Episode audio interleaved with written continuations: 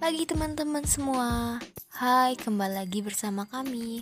Sebelumnya, saya ingin mengucapkan terima kasih kepada Bapak dosen Muhammad Reza Ardila yang telah membimbing kami dalam mata kuliah Sistem Sosial Indonesia. Dalam podcast ini, kami masih berisikan enam orang.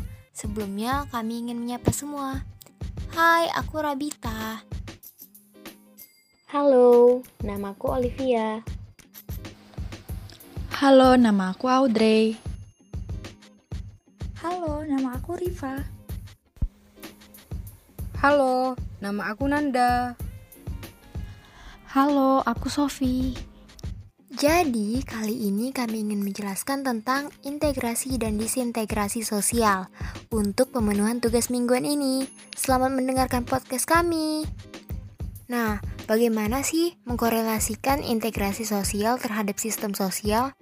Integrasi adalah keserasian satuan-satuan yang terdapat dalam suatu sistem, bukan penyeragaman, namun merupakan satuan-satuan yang sedemikian rupa serta tidak merugikan masing-masing satuan, yang baik saling mendukung satuan serta masih memiliki identitas masing-masing dan saling menguntungkan.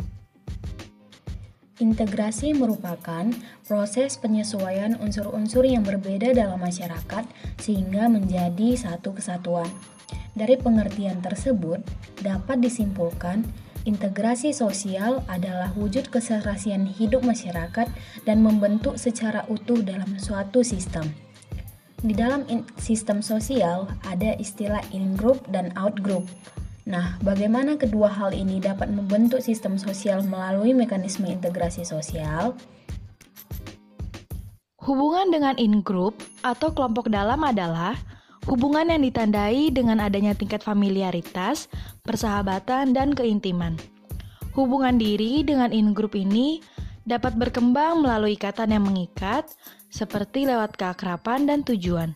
Namun sebaliknya, hubungan out-group ditandai dengan kurangnya familiaritas, persahabatan, dan keintiman, sehingga cenderung berprasangka negatif, terjadi permusuhan, dan perasaan superioritas.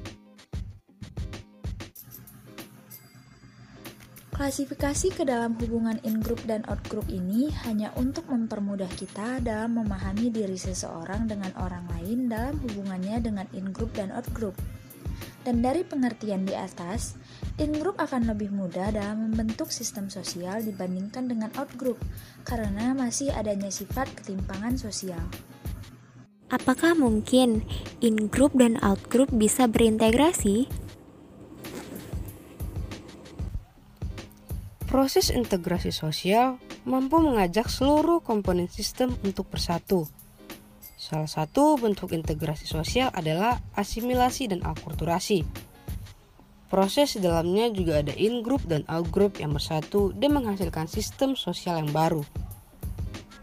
Jika dilihat pada pemahaman struktural fungsional, maka paham ini sangat berpengaruh dengan integrasi.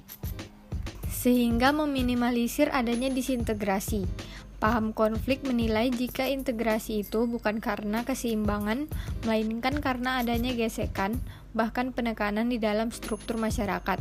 Maka in-group dan out-group berintegrasi akan membentuk sistem sosial baru yang didasarkan disintegrasi.